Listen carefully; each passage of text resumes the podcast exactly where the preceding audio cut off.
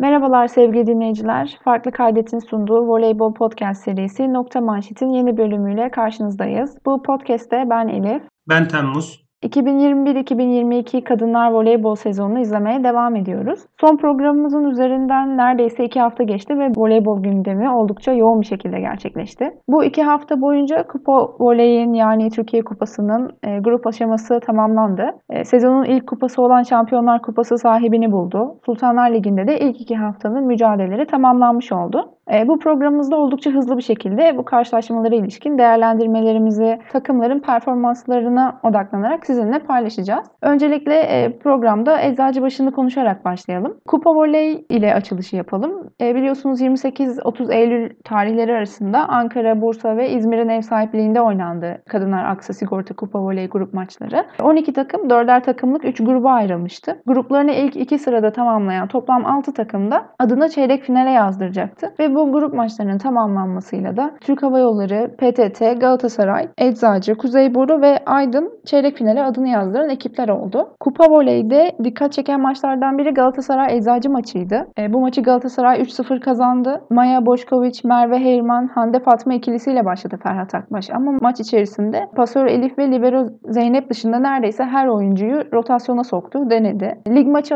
açılışını da Nilüfer'le yaptı.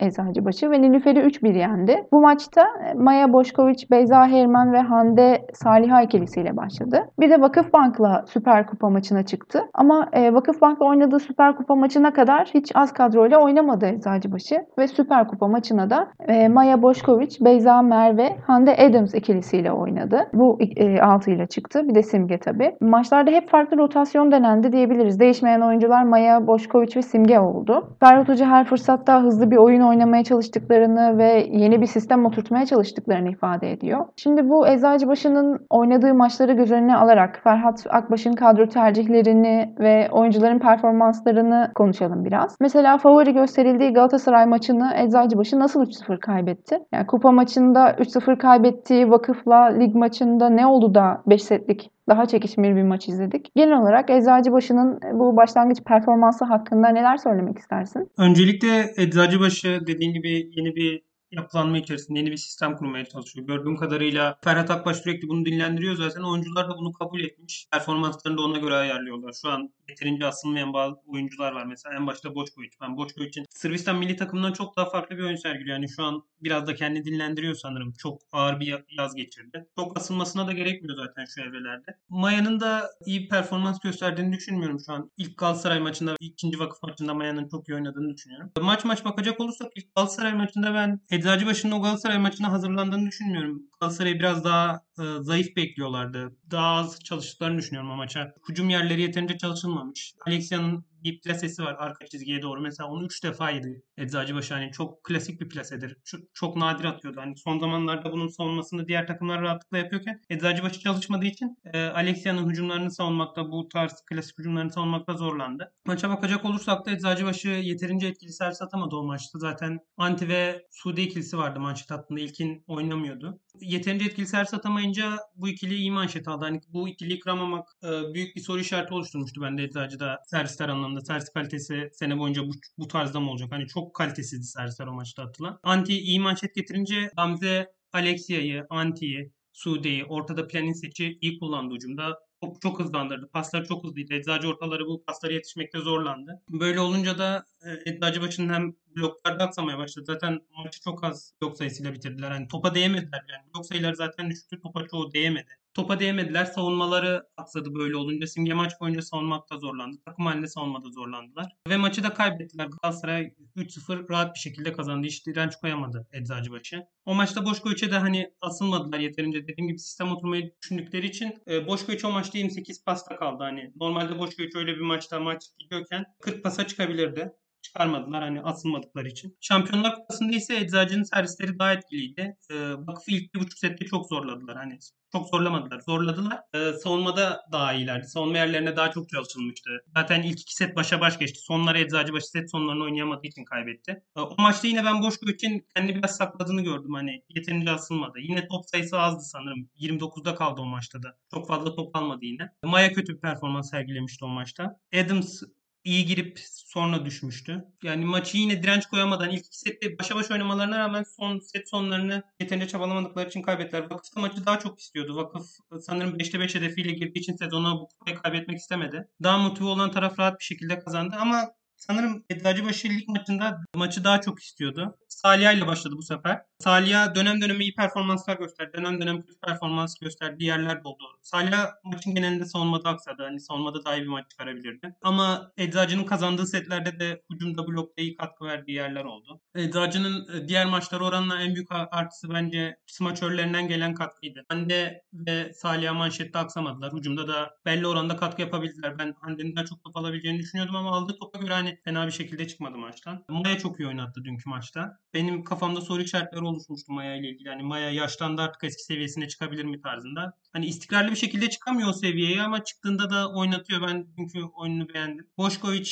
mesela ben ilk defa sezonda bir maça asıldığını gördüm. Ben Boşkovic'in hani hala yüzde yüzünde değil ama en azından maça biraz asılıyor. Maçı istediğini gördüm biraz. Simge hafif topladı ilk kalan setlerde. Maçta çok kötü girdi Simge. Hiç savunma yapamadı Hakan. Simge'nin biraz topladığını gördüm. Onun dışında Ferhat Akbaş'ın taktiklerinde hani yeni şeyler denediğini görüyoruz sürekli. Boşkovic'i servise soktuğu pozisyonlar oluyordu. Boşkovic ortada kalıyordu ve rakip servisçinin hedef tahtası haline geliyordu. Hani rahat bir şekilde atılıyordu. Erkek voleybolunda da bu pasör çaprazında etkili sers atan oyunculara karşı manşeti sokma işini hani çokça yapıyorlar. Erkek voleybolunda çok daha fazla yapılıyor ama genelde çapraz oyuncu e, köşe taraftayken hani bir numaradayken manşete giriyor. Ortadayken kolay kolay girmiyor. Bunda hatalar varken hani ikinci maçta, ikinci vakıf maçında e, bu sefer Boşkovic köşedeyken girmeye başladı. Ortadayken manşete girmedi. Böyle olunca da manşet e, manşette daha ilk maça göre Boşkovic zaten 3-4 tane aldı ama yine daha iyi bir maç çıkardı. Hani taktikler yavaş yavaş oturacak. Rezali başının zamanı ihtiyacı var.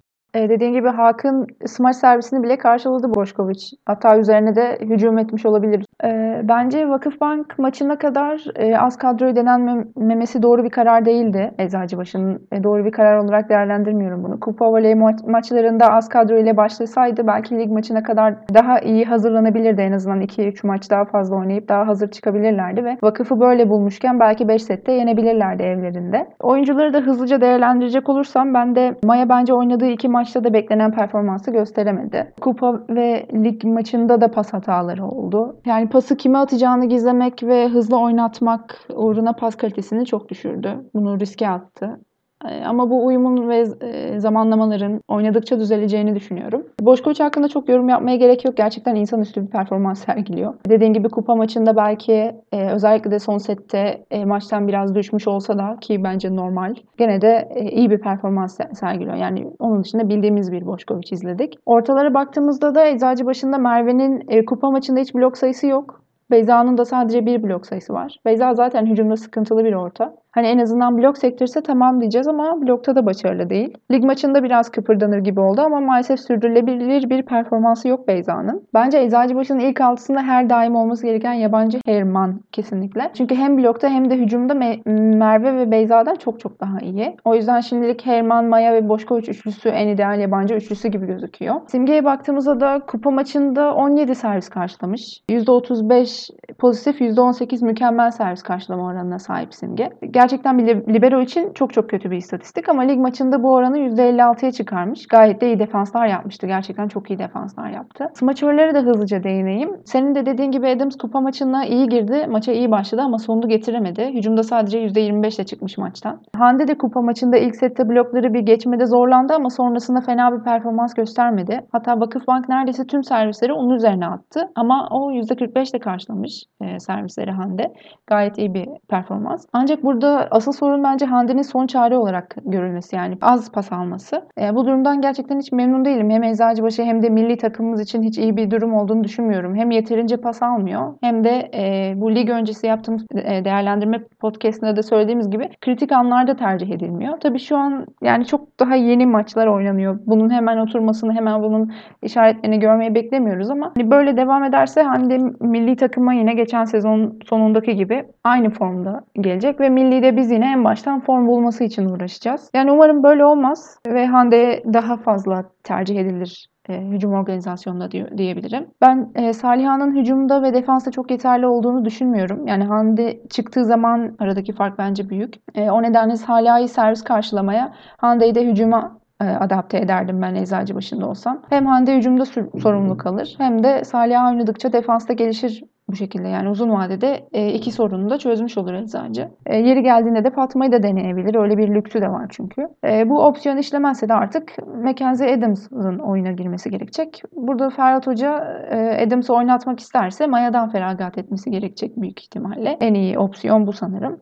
Yani burada da iş tabii Elif'e düşüyor. Bakalım lig ilerledikçe nasıl bir ilk altı tercih edecek Ferhat Hoca hepimiz göreceğiz. Vakıfbank cephesine bakacak olursak Vakıfbank bu sene kendine 5 kupa hedefi koydu dediğin gibi. Bu hedeflerden birini de Eczacıbaşı'nı 3-0 yenip Süper Kupayı yani yeni adıyla Şampiyonlar Kupası'nı alarak gerçekleştirmiş oldu. E, kupa maçında Isabel Haak, Gabi, Michel yabancı üçlüsünü görmüştük. Bu maçtan sonra lig açılışını evinde Yeşil Yurt'la yaptı ve yabancı olarak sadece Ogbogu'nun oynadığını gördük. Vakıf yedeklerle oynadı. Sonrasında Eczacı ile oynadığı lig maçında ise Haak, Gabi, Ogbogu yabancı üçlüsünü izledik. E, çünkü Michel'in küçük bir e, sakatlık durumu söz konusuymuş. Çok yormamak adına ön turda neredeyse hiç süre almadı. E, Vakıf Bank'ta rotasyon denemeleri yapıyor Eczacı'nın ve diğer takımların da yaptığı gibi. Hatta Guidetti lig maçı sonrasında takımın henüz iyi durumda olmadığını ve en az iki aya, iki ay demişti galiba, en az iki aya ihtiyacı olduğunu söyledi. Yani Vakıfbank'ın şimdiye kadar çıkardığı maç performansı hakkında neler söylemek istersin? As ve yedek oyunculardan aldığı katkılar, işte rotasyon denemeleri, bunlar hakkında neler söylersin? Vakıfbank ligde kadrosu en geniş takım. Her oyuncudan katkı alabiliyor. 10-12 oyuncusundan katkı alabiliyor. Mesela dün Tuba'dan da katkı aldı. Derya'dan da katkı aldı. Hani yedekten gelen oyuncular. Barş yokken bu iki ikisinden katkı alabildi. Hani diğer takımlar bunu yapabilir mi çok hani düşünmüyorum. Oyuncular performansına bakarsak da ben hani Barş'ın sakatlığının daha çok kilo problemiyle ilgili olduğunu düşünüyorum. Yani çok formsuz gibi sezonu. Amerika milli takımındaki kilosundan hani çok daha farklı kaç kilo fazlası var bilmiyorum ama hani oyunu da etkiliyor bu belli ki. Ağır kalıyor çünkü. Muhtemelen kondisyonda daha düşük. Daha uzun maçlarda göremedik Barş'ı. 3 set oynadı Eczacı'ya karşı zaten ama uzun maçlarda Barş'ın kondisyon problemini görebilirdik. Hak iyi girdi sezona. Yani yaz yaramış Hak'a biraz. Yazın İsveç milli takımında oynaması bile. Ayça iyi girdi vakıfta. Ayça ve Hak en iyi giren isimler bence vakıfta sezona. Cansu fena değil. Dün biraz kötü oynattı ama maçında fena değildi. Gabi de çok iyi giremedi sezona. Savunma ve manşette aksamasa da hani hücumda daha etkili olmasını bekliyordum ben Gabi'den. Çünkü Brezilya milli takımında da hücumda daha etkin bir rol oynuyor vakıfa göre ve başarılı da oluyor yani bunun altından kalkabiliyor. Sanırım sezon ilerledikçe bu performanslar artacak. Hani vakıfta klasik sezona yavaş girip sezon ilerledikçe ana hedefler kupa maçlarında doğru yükseltiyor performansı. Sen de dedin Guidetti 2 ayın ihtiyacı olduğunu söylemiş. Yani 2 ay sonrası tam olarak şeye denk geliyor. Dünya Kulüpler Şampiyonası'na muhtemelen asıl hedef kulüp Dünya Kulüpler Şampiyonası o, o zamana doğru formlarını yavaş yavaş arttıracaklar. Evet katılıyorum. Giovanni de zaten dediğin gibi yaptığı söyleşide bunu işaret etmişti. Ben de Cansu'nun performansını genel anlamda beğendim. Kupa maçında ilk set hariç iyi bir maç çıkardı. Zaten en değerli oyuncu ödülünü de e, aldı o performansıyla. Ama lig maçında final seti dışında bence pas kalitesinde ve özellikle de pas tercihleri çok sorunluydu. Diğer bir pasörü Vakıfbank'ın Buket. Yeşilyurt maçında zaman zaman pasları istediği gibi atamasa da genel performansını beğendim ben. Elinden geldiğince pasları dağıtmaya çalışıyor. Ön turda ne smaç ne de orta oyuncusunu unutuyor. E, Ogbogu ile bile bir nebze uyum sağlamış gözüküyordu. Buket de iyi bir e, sinyal verdi açıkçası. Isabel Haak'ın iyi bir giriş yaptığını söylemiştin. Kesinlikle katılıyorum. Aslında Avrupa Şampiyonası'nda aldığı o paslardan ve oynadığı sistemden ötürü nasıl döneceği merak ediliyordu. Hatta servis adımlaması bile bozulmuştu. Servis performansını da merak ediyorduk. Nasıl olacak, nasıl dönecek diye. Ama e, de, dediğin gibi galiba demek ki milli takımda bir sezon geçirmesi, o sezonu boş geçirmemesi iyi yaramış. Smash servis stilini de değiştirmiş. Herhangi bir sorun görünmüyordu. Düzeltmiş yani. Topu getirişi farklılaşmış sanırım. Evet evet aynen. E, topu atış şekli de değişmiş. Solla atıyordu sanırım. İşte şu an bir tek Alexa Sol atıyordu şu an. Evet sol atıyordu normalde. Hatta Guidetti'nin sözü de vardı. Sol atıp şey vuran en, en etkili vuran oyuncu falan. Aynen Guidetti'nin dediği gibi teknik olarak çok kolay değil çünkü sol elle atıp sağ elle vurmak. E, ortalara geçecek olursak da kupa maçında Kübra ve Zehra blokta fena değillerdi ama Kübra'nın zaman zaman pas e, zamanlamalarında bir e, sıkıntı sıkıntılar yaşadığı anlar oldu. E, lig maçında da Zehra yeterince blok sektiremedi bence. Ama Ogbogu hem hücumda hem blokta fena işler yapmadı. Smaçör pozisyonunda da Michel takımı çok geç katıldı ve olimpiyat finalinden de bu yana sahadan uzaktı. Sana buna tamamen katılıyorum. Sakatlığı olduğunu çok düşünmüyorum. Bence kondisyonu çok düşük. Kondisyonu da düşükken e, böyle yüksek tempolu bir e, deplasman maçına girmeye hazır olmadığı düşünüldü bence. Bu böyle değerlendirildi. Yani ben böyle tahmin ediyorum. Kupa maçında fena bir maç çıkarmamıştı. Çok akıllı hücumları vardı ama tabii yine kendi performansının çok altındaydı bence. Gabi yine dediğin gibi son iki maçtır hücumda kendi normalinin çok çok çok altında bir performans sergiliyor. Servis karşılamada ve defansta evet harikalar yaratıyor ama bence bir an önce biraz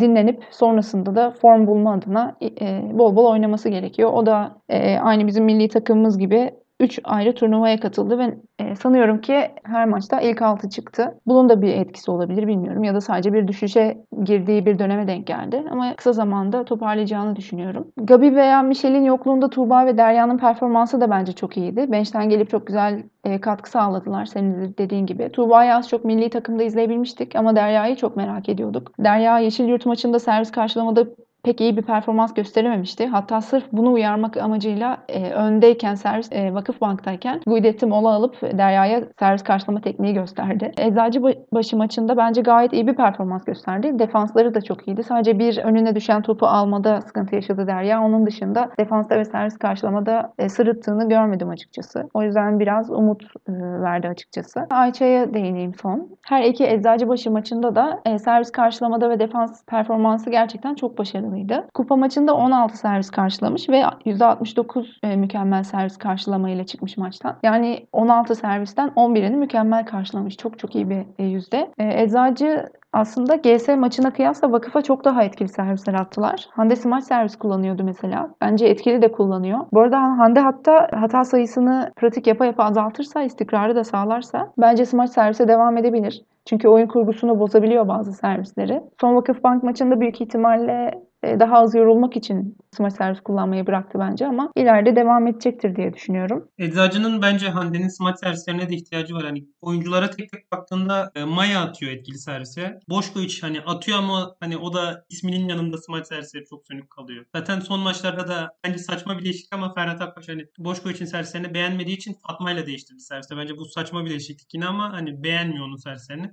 Eczacı'da baktığımızda iyi servis atan Erman çok iyi bir servisçi değil. E, Salih iyi bir servisçi. O sürekli olacak mı kadroda bilmiyoruz ama Hande'nin iyi servis atması lazım. Hani Eczacıbaşı'nın iyi servisçilere ihtiyacı var. Hande de eğer o serviste istikrar sağlarsa bence hani Eczacıbaşı açısından da iyi olur. Evet kesinlikle özellikle de ortalarda e, aksayan bir takım Eczacıbaşı Heyerman dışında. Heyerman'ın oynamadığı durumda da durumu düşünecek olursak gerçekten iyi etkili servisler atıp bloklarını biraz e, rahatlatmaları gerekiyor bence de katılıyorum. Belki e, ilerleyen maçlarda Hande smaç servis kullanmaya devam eder ve hata sayısını azaltıp verimliliğini arttırır. Sezonu kupa voley maçlarıyla açan Galatasaray'a geçelim şimdi. Galatasaray grup maçlarında karayollarını, Eczacıbaşı'nı ve Mert Grup Sigorta'yı yani gruptaki tüm maçlarını puan kaybetmeden alıp sezona çok iyi bir giriş yaptı. Zaten karayolları ve Mert Grup Sigorta'yı yenmesi bekleniyordu. Hani bu sürpriz bir galibiyet değil. Ama Eczacı galibiyeti hem de 3-0'lık aldığı galibiyet bence gayet de sürpriz bir e, sonuçtu. Sezona güzel bir girişin ardından Galatasaray PTT'ye 3-1 yenildi.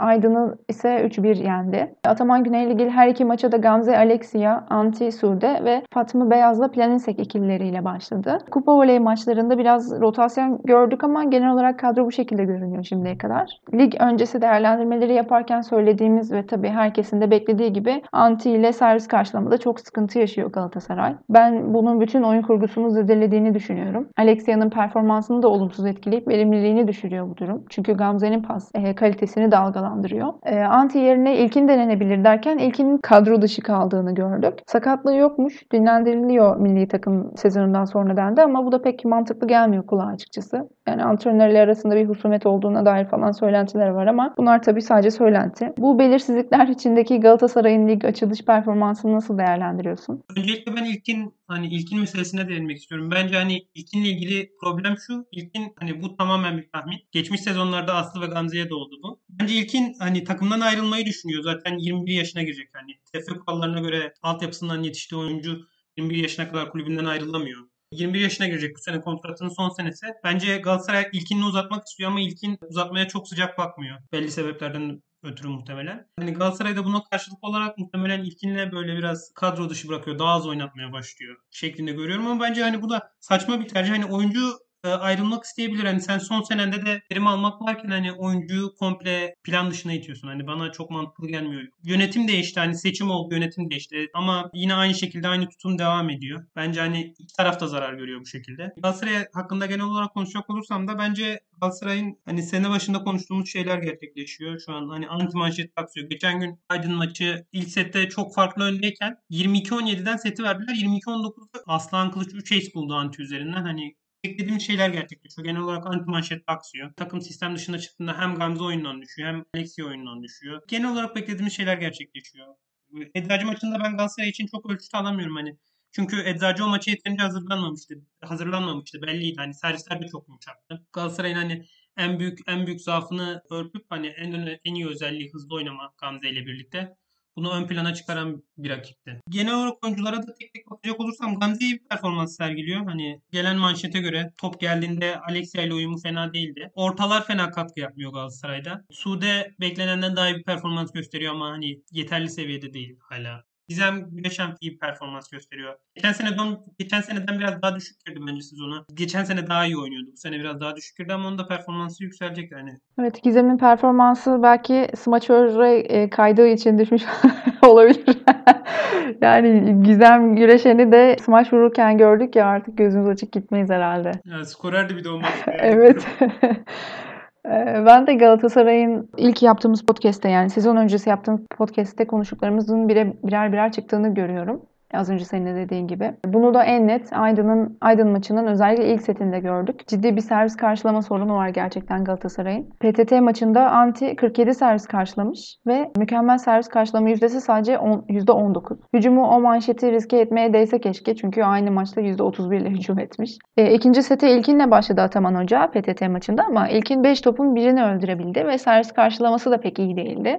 Son set zaten çok çok az oynadı ilkin. E, hücumda ve servis karşılamada smaçörleri iyi olmayınca oyun tabii Alexia'ya yığıldı ve pasların kalitesi de zaten oldukça düştü. Fileden çok açık hücum e, ettiği pozisyon oldu Alexia'nın. Zaten 8 hata yapıp 4'te blok yemiş. Verimliliği gerçekten çok düşük çıkmış e, Alexia'nın. Ya zaten Alexia kötü pasları öldürmesini kolay- kolaylaştıracak bir boya sahip değil. E, oynadıkça sistem dışı toplara adapte olur e, ama uzun vadede verimliliğini düşürür bu. E tabii az önce de dediğim gibi Gamze'nin de verimliliğini düşüren bir durum. Yani bu manşetlerin bir sonucu olarak PTT maçta resmen blok show yaptı e, Galatasaray'a karşı. Bir duvar ördü adeta. E, Yine dediğim gibi Aydın'a kaybettikleri ilk setin nedeni de Anti'nin yediği servis serisiydi. Eğer servis karşılama da bu sorunları çözemezlerse ben Galatasaray'ın ilk 5'e girebileceğini zannetmiyorum. Zaten lig öncesi sıralama tahminimde de en iyi ihtimalle 6. veya 7. ol- olurlar. Kuzey Boru'yla emin olamadığım için 6 veya 7 diye söylemiştim. Yani bir şeyler değişmedikçe böyle devam edecek gibi.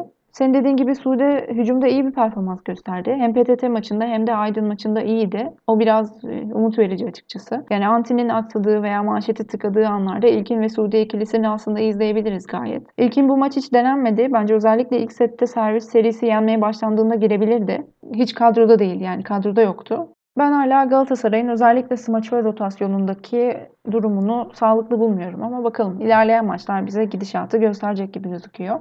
Ee, ben şunu söyleyeyim hani sen Anti'nin ma- 47 tane servis aldığını söyledin hani sadece geçen maç özel değil hani Galatasaray Anti'yi genel olarak saklamıyor hani takımın manşetinin yarısını alıp ve hücumda da takım taşımasını bekliyor sanırım Ataman hani zaten Anti öyle bir oyuncu olsa hani Galatasaray'da olmaz muhtemelen çok daha pahalı çok daha üst seviye bir oyuncu olurdu.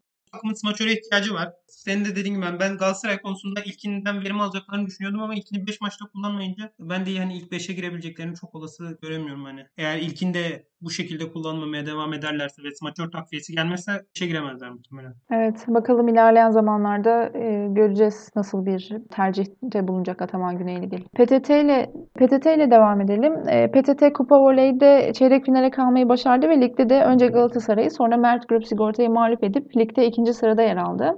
E, Helen Rosso ve Amanda hücum ve servis karşılamada birbirini iyi de, dengeleyen bir ikili gibi duruyor ben. E, az çok maçın tamamını izleyemesem de izlediğim kısımlarda bunu gördüm. Sıla takımda daha çok pasör çaprazı ve smaçörler üzerinden oy- oynuyor şimdilik. E, orta oyuncuları hücumda çok fazla tercih etmiyor gibi duruyor. Yeşilyurt'ta kiralık oynarken sakatlanan Vakıfbank'ın altyapıdan orta oyuncusu İlayda Uçak, e, kupa voley maçlarından sonra e, lig maçlarında çok süre alamadı. Belki PTT de bir rotasyon denemesi yapıyor olabilir. Yani bu yine ilerleyen maçlarda göreceğiz nasıl bir rotasyona çıkacağını. E, PTT'nin genel olarak performansı hakkında ne, ne söylemek istersin? Yani PTT'yi ben açıkçası hani bir maçını tamamını izleyebildiğimi çok hatırlayamıyorum. Hani TVF sağ olsun bütün maçları aynı saate koyduğu için hani PTT biraz daha geri planda kalmış benim maç tercihlerimde. PTT ile ilgili hani İlayda ile ilgili İlayda sezona giremedi. Hani sakatlıktan bence iyi dönemedi. Rotasyon denemesi yapıyordu olabilir ama ben hani İlayda'nın performansının düşük olduğu için tercih edilmediğini düşünüyorum. Çok etkisi. Hani hem blokta çok utarak gidiyor köşeler. Hani blok tekniği sorunu İlayda'nın biraz. Çok dikkatsiz gidiyor bloğa. Zaten geçen sene de hani sorun yaşıyordu ama sakatlık sonrasında iyice hani blok tekniğinde sorunlar oluşmuş. Sıla benim beklediğimden daha iyi oynatıyor. Yani ben daha kötü performans bekliyordum. Fena oynatmıyor. Onun dışında senin dediklerine katılıyorum. Buradan e, sezonun ilk iki haftasının tamamlandıktan sonra ligde birinci sıraya yerleşen Fenerbahçe ile devam edelim. Kupa Voley çeyrek finallerinde Vakıfbank ile doğrudan katılacakları için grup maçları oynamadı ve sezonun açılışını ligin Bolu maçıyla yaptı. Bolu ve Nilüfer ile oynadıkları maçlardan aldığı 6 puanla dediğim gibi birinci sıraya yerleşti ve Bolu maçında Buse Pasör, Tutku Pasör çaprazı Lazareva ve Meliha smaçör pozisyonunda oynadı. Ortada ise Eda ve Popovic vardı. E, Lazareva aslında bildiğimiz gibi pasör çaprazı. Pasör çaprazı olduğu için de çok fazla servis karşılatmadılar ona ve Gizem ve Meliha daha çok servis karşıladı. Lazareva hücumda %42, Tutku ise %58 de maçı tamamlamış. Nilüfer maçında da lisans işlemleri tamamlanan Arina'yı kadroda görebildik ilk defa. E, Arina'nın Fenerbahçe formasıyla evinde oynadığı ilk maçtı bu. Bu maça da Buse Lazareva, Arina Meliha ve Eda Popovic ikilileri oynadı. Fener'in bu rotasyonunu Nilüfer karşısında nasıl buldun? İki maçta da pasör pozisyonunda nasıl göremiyoruz? Sence lig başı görece kolay maçlar falan diyerek dinlendiriliyor mudur? Ben çok maçı izleyemedim. Birinci seti izleyebildim. Ama istatistik kağıdını da inceledim. İlk 6'yı Arina Meliha olarak görünce kendimce Arina'ya pek servis karşılatmamışlardır. Meliha ile Gizem kapatmıştır onu diye düşünmüştüm ama Arina 22 tane, Gizem 21, Meliha da 14 servis karşılamış. Nilüfer servislerde Arina'yı bulmada başarılı olmuş e, görüldüğü üzere ama daha ilginci Arina %55 pozitif, %36 mükemmel servis karşılama performansı göstermiş. Gizem de %40'a 30'da kalmış. Sence bu nasıl oldu? Genel olarak nasıl değerlendiriyorsun bunları? Öncelikle ben hani Naz'ın sene başında dinlendirildiğini düşünmüyorum. Zaten Vakıfbank'ta maçı var Fenerbahçe'nin 3. hafta. Sonrasında THY Galatasaray maçları da var. Bu senin şu an sene başında Terz için kafasında az pasör olarak gördüğünü düşünüyorum. Zaten takımın geri kalanında az oyunculardan kurulu. Hani sadece pasör değiştirdiğini düşünmüyorum. Bakalım Naz formayı alabilecek mi? Hani yani Naz'ın da yedek kalmayı kolay kolay kabul edecek bir oyuncu olduğunu düşünmüyorum. Hani çabalayacaktır o da. Bolu maçı ile ilgili de Fenerbahçe'nin hani Bolu çok kötü bir performans sergiledi. Her alanda aksadı Bolu maçta. Ben hani onu o maçı Fenerbahçe için değerlendirme maçı olarak görmüyorum. Nilüfer maçında hani çok düzgün bir değerlendirme ölçütü olarak Nilüfer maçını da görmüyorum. Gelecek 4 maçta göreceğiz Fenerbahçe'nin nasıl e, performansını. Bu Nilüfer maçı üzerinde konuşacak olursam e, Melia ve Gizem Arina'nın alanını iyice daralttılar. Hani serviste daraltmaya çalıştılar. Çok başarılı olamadılar karşılamada, servis karşılamada. Arina'nın alanı dar olmasına rağmen Nilüfer servisleri de bu arada sık Arina'yı bulmaya çalışıyordu. Hani Arina'nın servis karşılama istatistiğinin yüksek olma sebeplerinden biri hani Nilüfer'in özellikle Arina'nın üzerine kullanması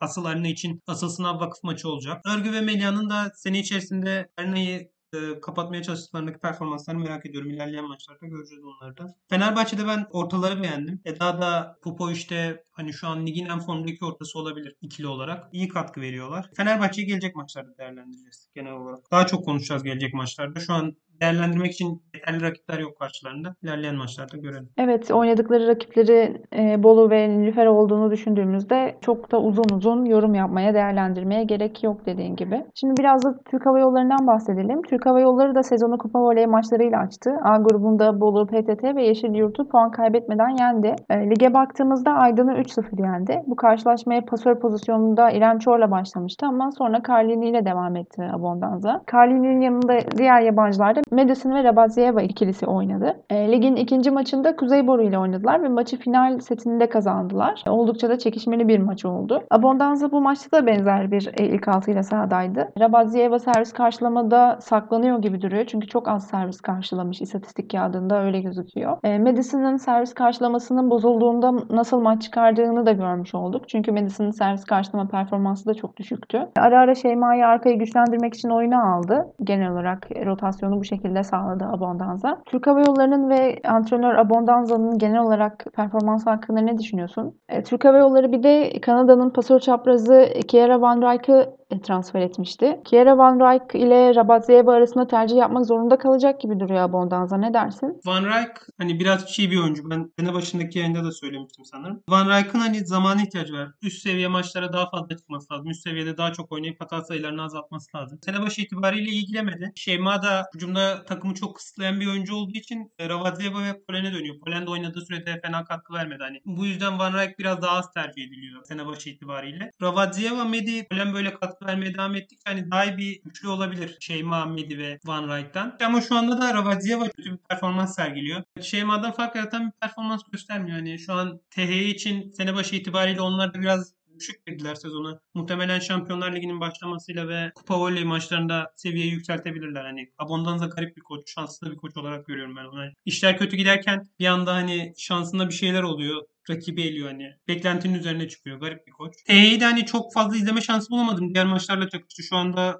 öyle maçlarını izlemiştim ama şu an çok fazla hatırlamadığım için derin değerlendirmeler yapamıyorum. Onların da programı Fenerbahçe gibi biraz zorlaşıyor. Sanırım Galatasaray ve Fenerbahçe ile oynayacaklar. Yani o maçlarda daha ayrıntılı değerlendirmeler yapabiliriz diye düşünüyorum. Evet söylediklerine katılıyorum. Ee, ben de Madison'ın performansını çok beğendim. Şimdiye kadar çıkardığı maçlarda gerçekten çok iyi oynadı. E, İstatistiklerine baktığımızda şimdiye kadar e, iki maç oynamış ligde. E, 8 set oynamış ve e, %43 e, hücum gözüküyor. Yani hücumda Türk Hava Yolları'nın ihtiyacı olan desteği, katkıyı vereceğini düşünüyorum ben ilerleyen zamanlarda da. Son dönemde Taylandlı oyuncu transferleriyle dikkat çeken Sarıyer'i ve ligin kadınlardaki tek Anadolu takımı olan Kuzey Boru'yu konuşalım. Kupa Voley'de oynadığı maçlardan galibiyet alamadığı için gruptan çıkamadı Sarıyer. E, Nilüfer Aydın ve Kuzey Boru'ya puan almadan kaybetti. Ama lige fena bir giriş yapmadı. Kupa Voley gruplarında kaybettiği Kuzey Boru'ya karşı final setinde galibiyeti elde etti. Sonrasında da Yeşil Yurt'u yine final setinde yendi. Kuzey Boru ise Kupa Voley'de yalnızca Nilüfer'e yenildi ve set averajı ile grubu birinci sırada tamamlayıp çeyrek finale adını yazdırdı. Ligde hem Sarıyer'e hem de e, Türk Hava Yolları'na 5 sette kaybederek 2 puanı hanesine yazdırdı. Burada Lila'nın ve Arelya'nın performansını, Aşa raporunun pasör çaprazı olarak gösterdiği performansı ve bu iki takımın genel performansını e, değerlendirelim istiyorum. İstersen pasörlerle başlayalım. Kupa voley maçlarını Sarıyer'in çok fazla izleyemedim ama lig maçlarını izleyebildim biraz da. Ligde gördüğüm kadarıyla hani Lila temiz oynatıyor. Ben Lila'nın oynattığı oyunu beğeniyorum. Hani biraz ortaları daha fazla kullanabilir Lila. Ama genel olarak oynattığı oyunu beğeniyorum. Pas kalitesi çok dalgalanmıyor. Biraz topla pası daha yatırabilir. Hani daha hızlı, daha tempolu atabilir köşeleri ama sanırım daha sezonun başı itibariyle çok risk almıyor. Sezon ilerledikçe hani daha farklı hücumlar, daha hızlı paslar köşelere görebiliriz. Ee, Lila benim beğendiğim de bir oyuncu. Bence şu an hani genç Türk pasörler arasında en potansiyelli bence pasör olabilir Lila. Hani ben pasör olarak Lila'nın oyun aklının olduğunu da düşünüyorum. Savunması iyi Lila'nın. Servisleri etkili. İlerleyen dönemde milli takımımıza da katkı vereceğini düşünüyorum e, milli takımımızda da forma giyeceğini düşünüyorum. Gelişimi için hani Sarıyer'de doğru bir takım gibi duruyor. Umarım daha da başarılı olur. Sarıyer'de benim en çok dikkatimi çeken oyuncu bence en iyi oyuncusu aynı zamanda. Sırt smaçör Srnicevic. Beklediğimden çok daha iyi bir performans sergiliyor Srnicevic. Son maçta 32 sayı almış. Maça çok iyi girmişti. Ben son iki setini izlemedim. Çok fazla izleyemedim. Ama takımın ana hücum opsiyonu manşette e, çok aksamıyor. Hani ben daha iyi bir performans bekliyordum ondan ama yine aksamıyor manşette. Srnicevic şu anda ligin en iyi smaçör performanslarından birini gösteriyor. 34 yaşında sanırım. 34 yaşında Sırbistan milli takımında hiç oynamamış bir smaçör için hani beni çok şaşırtıyor. Bu takımın birinci hücum opsiyonu. Aynı zamanda manşette de aksamıyor o kadar. Sezon ilerledikçe bu performansını sürdürebilecek mi merak ediyorum açıkçası. Sarıyer'e de yine aynı şekilde sezonun başı da zaman verilmesi gerektiğini düşünüyorum. Çünkü Taylandlı iki oyuncu aldılar. Hani Tayland oyuncular daha çok varyasyonlu hücum ediyor. Daha çok hızlı paslara vuran oyuncular şu an biraz daha yüksek ve yavaş toplara hücum ediyorlar. Aşçaropor'un o yüzden tam verim veremedi ilk maçlar itibariyle. Onun da performansının takımla birlikte eğer baş antrenör de tercih ederse biraz daha hızlı ve biraz daha değişik hücumları tercih edebilirlerse hani performansın yükseleceğini düşünüyorum Aşçaropor'un da. E, Şu an çünkü hiç bulunmadığı bir ortamda oynuyor. Hiç Avrupa voleybolunun içinde bulunmadığı, hiç Avrupa voleybolundaki pasörlerle birlikte hücum etmediği için kendi normalinin altında bir performans sergiliyor. Onlara da zaman verelim biraz. Şu an ligin yeşil yurt olmaya aday bir takım. İzleyelim görelim. Evet 40 bin kişiyle beraber izleyip göreceğiz gerçekten. YouTube yayınlarında gerçekten çok büyük bir seyirci e, çekiyor Sarıyer maçları bu Taylandlı transferleri nedeniyle. Sultanlar Ligi maçı üzerinden konuşacak olursam Sarıyer ilk iki seti aldıktan sonra üçüncü seti de alacak sandım Kuzeyboru karşısında. Çünkü Kuzeyboru bir türlü oyuna dahil olamadı. E, hele ikinci set sanırım hiç öne geçemedi Kuzeyboru. Ama üçüncü ve dördüncü seti önde başladı. Önde götürdü ve seti aldı. Beşinci set çok çekişmeliydi. Zaten olabilecek en az sayı sayı farkıyla bitti maç. Maç. 15-13 aldı Sarıyer. Muhteşem heyecanlı spikerin de anlatımıyla gerçekten çok çekişmeli bir maç oldu. Öncelikle Lila'nın pas tercihlerini ben çok beğendim. Zaman zaman pasları istediği yere atmada sorun yaşasa da bu sezon iyi bir performans göstereceğini düşünüyorum. Özellikle başüstü 2 numaraya attığı geri pasları da fena durmuyor. Kuvvetli parmakları da güçlü gözüküyor. Yani daha da beğendiğim şey enerjisini çok beğendim. Çok hırslı bir pasöre benziyor. Biraz da cesur bir pasöre benziyor. Bence dediğin gibi Taylandlı oyuncuları da eğer antrenör de uygun görürse böyle bir yola giderlerse varyasyonlu oynatabilecek bir pasöre benziyor. Tabii eline gelen manşete bağlı bu da. Eğer bunu başarabilirlerse Taylandlı smaçörlerinden de yeterince istenen verimi alabileceklerini düşünüyorum. Dediğim gibi belki de varyasyonlu oynayamadığı için bir de tabii ilk defa bu ligde oynuyor. Aşara Porn kendi performansının altında oynadı. Vurduğu topların belki yarısından fazlası defansta çıktı. Çok güçlü bir şekilde vuramadı. istediği şekilde hücum edemedi. Zaten bir pasör çaprazı olarak %33 ile bitirmişti maçı. Çok iyi bir istatistik değil. Ama hata sayısı az bir oyuncu. En azından hani verimliliği çok düşük değil. Bir şekilde top oyunda kalıyor. Sarıyer bir de başka bir Taylandlı smaçör transfer etti. Kaçu Moxir isminde 99'lu 1.78 boyunda smaçör aldılar. Son maçta da oyuna girdi. İlk setten itibaren ara ara gördük onu da. Şimdiye kadar Sırp smaçörle Ayşe Rapor'un dışında yabancı oynamadı takımda. O yüzden yabancı hakları da var. Süre alabilir bu yeni transfer. Ben oyuncuyu pek bilmiyorum ama hakkında güzel yorumlar okudum. Sen de güzel şeyler söylemiştin. E, Twitter'da yazdığını hatırlıyorum. Sarıyer için faydalı olacağı benziyor. Bakalım zamanla göreceğiz. Mokşiri'nin aşağı raporunun avantajı bence biraz daha hani smaçör olduğu için illa hücumuyla değil asıl fark yarattığı nokta hani manşeti ve savunmasıyla da gerekli katkı yapabilir. Avantajı olabilir. Ben benim gördüğüm kadarıyla Tayland takımının yeni jenerasyonunun en iyi oyuncusuydu. Biraz da Gabi'ye de benziyor açıkçası. Hani kısa savunması ve manşeti güçlü bir oyuncu. Hızlı toplara hücum eden bir oyuncu. Gabi'nin bir iki altı var. Bir iki tık demeyeyim ben. Biraz daha altı bir oyuncuya benziyor. Bakalım hani onun performansından merak ediyorum. Eğer maçları Gökhan çok sen varyasyonlu hücum ettirmeyi düşünürse onun da verimli olacağını düşünüyorum ben açıkçası. Kuzey Boru hakkında da kısaca bir yorum yapayım. Kuzey Boru da Kupa Voley'e çok iyi bir giriş yaptı. Ardından Nilüfer onları yenince Nilüfer adına bir anda çok heyecanlandık hepimiz.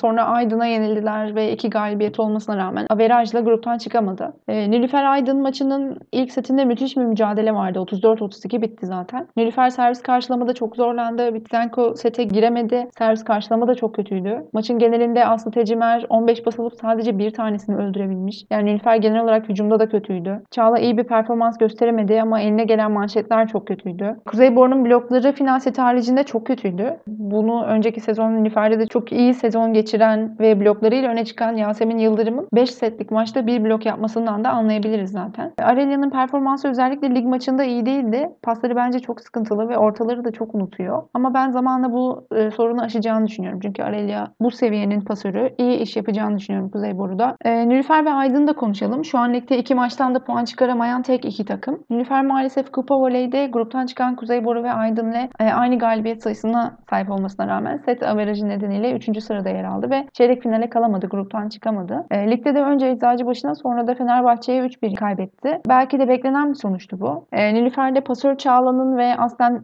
orta oyuncu olan ama çapraz oynayan Maglio'nun performansını nasıl değerlendiriyorsun? E, Eczacı maçında Maglio hücumda %38 ile oynamış. Fenerbahçe maçında da %31 ile oynamış. Maglio ile ilgili olarak Maglio zaten aslen orta oyuncu. Pozisyona alışık olmadığı çok belli çapraz. Hani ucuma girişlerinden falan çok belli oluyor pozisyona alışık olmadığı. Adımlamasında sorun var. Hani bloğu yeterince kullanamıyor orta oyuncu olduğu için hani genelde bloğa karşı hücum etmiyordu. Daha çok dağınık bloklara veya bloğu çok kullanmadan hücum ediyordu. Yani bloksuz hücum ediyordu. Bloğu kullanamıyor. Yani ben bloğu kullandığını da göremedim. Pozisyonda ben çok verimli olacağını da düşünmüyorum e, ilerleyen dönemde de. Nilüfer'in kesinlikle hani pasör çaprazına ihtiyacı olduğunu düşünüyorum. Transfer yaparlarsa da bu noktaya playoff'a gireceklerini düşünüyorum açıkçası. Eğer bir ekleme gelirse. Çünkü şu anda da ben Dehrican Dehroğlu'nun fena bir performans gösterdiğini düşünmüyorum Nilüfer'de. Elindeki kadroyla olabildiğince o elinden geleni yapmaya çalışıyor. Doğru oyunu oynatmaya çalışıyor çalışıyor. Olabildiğince az hata yapıp e, maçlarda kalmaya çalışıyor. Rakibin hatalarından yararlanmaya çalışıyor. Oyuncuya ihtiyacı var Nilüfer'in şu an genel olarak. Dediğin gibi Maglio gerçekten çaprazda zorlanıyor.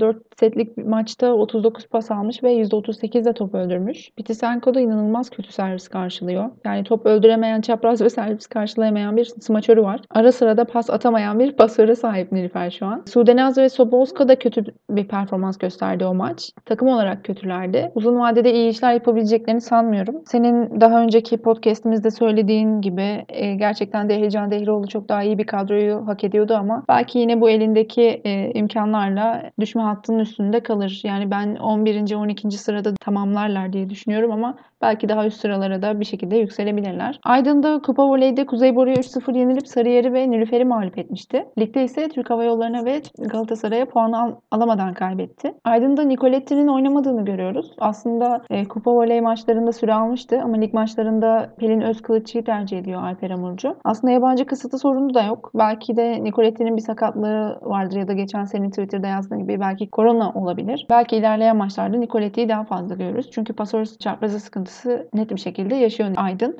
Grates Akmeri'nin de henüz hem servis karşılamada hem de hücumda tam isteğini veremediğini düşünüyorum. Ben sen ne düşünüyorsun? Genel olarak Aydın hakkında neler söyleyebilirsin? Aydın hakkında ligdeki iki maçta Nicoletti'yi kullanamadılar. Nicoletti'nin e, ben bir fotoğrafını gördüm. Dizinde bir sargı var dizinin hemen üzerinde. Sanırım problem var. O yüzden oynatılmıyor. Dediğin gibi Sakmari sezona giremedi bence de. Yeterince iyi performans sergilemiyor şu an. Sezon ilerledikçe performansını yükseltebilir. Onu ama bilmiyorum şu an yeterince iyi bir seviyede değil. Alper Amucu'nun hani kötü bir kadro kurduğunu düşünüyorum açıkçası. Hani yine yine elindeki bütçe oranla kötü tercihler yaptığını düşünüyorum açıkçası. Hani aldığı oyuncular Ergül, e, işte Güldeniz, kariyerinin sonundaki oyuncular. E, Melis hani Fenerbahçe'de genel olarak e, soru işaretleriyle dolu bir performans göstermişti. Hani bu oyuncuyu tercih etti. Hani oyuncu tercihlerinin genel olarak yanlış olduğunu düşünüyorum. Yani kadronun da genel olarak ondan aksadığını düşünüyorum.